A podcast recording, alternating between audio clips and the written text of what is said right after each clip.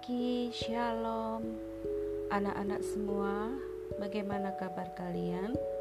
Sehat-sehatkah? Puji Tuhan.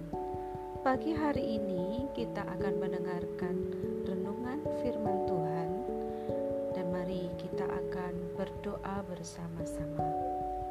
Bapa di surga terima kasih untuk pagi hari ini. Kami boleh bangun pagi dalam keadaan sehat dan kami rindu untuk mendengarkan kebenaran firman-Mu. Mari Tuhan berikan roh kudus-Mu untuk memberikan pengertian di dalam tiap hati kami. Di dalam nama Tuhan Yesus kami berdoa. Haleluya. Amin. Renungan pagi hari ini berjudul Berdoa dengan Benar. Diambil dari Injil Lukas pasal 18 ayat 9 sampai 14. Saya akan bacakan di dalam Amsal 15 ayat 8. Ini sebagai ayat emasnya. Korban orang fasik adalah kekejian bagi Tuhan, tetapi doa orang jujur dikenannya. Mari kita simak bersama-sama firman Tuhan pada pagi ini. Mama, apa sih maksudnya doa orang jujur itu? Tanya Happy kepada mamanya setelah membaca kitab Amsal pasal 15 ayat 8. Lalu mama mengajak Happy untuk membaca Injil Lukas pasal 18 ayat 9 sampai 14. Happy, tahukah kamu mengapa Tuhan Yesus mendengarkan, membenarkan pemungut cukai yang berdoa itu sementara orang Farisi yang juga berdoa itu tidak? Tanya mama. Happy menjawab, Iya ya mah, padahal orang Faris itu, itu kan pandai tentang Alkitab dan merasa dirinya tidak berdosa. Mengapa ya mah? Mama pun menjelaskan, Happy, tahukah engkau kalau Tuhan berkenan kepada orang-orang yang jujur untuk mengakui dosa-dosanya dan bertobat.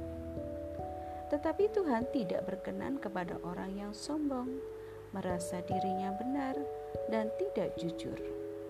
Nah, pemungut cukai itu berdoa, merendahkan dirinya, dan jujur mengakui dosa-dosanya. Karena itulah Tuhan mengampuni dosanya dan membenarkan dirinya. Kamu lihat kan betapa bersuka citanya pemungut cukai itu. Dengan tersenyum, Happy pun berkata, Ya ma, Happy tidak ingin menjadi orang yang sombong.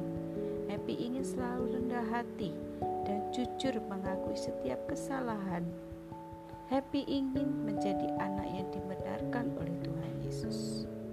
Nah, anak-anak, Tuhan menghargai orang-orang yang mau merendahkan diri untuk mengakui dosanya dengan jujur. Apa pun kesalahanmu, jangan malu untuk mengakuinya dan minta ampun kepada Tuhan. Tuhan pasti akan mengampuni semua dosamu dan membenarkanmu.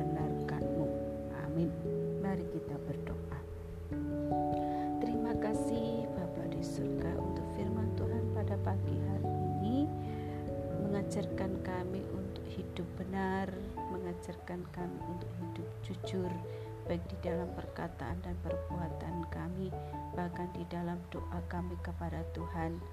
Karena engkau tahu Tuhan kami kadang banyak melakukan kesalahan kenakalan di dalam diri kami. Tuhan ampunilah kami. Berkati seluruh anak-anakmu sekolah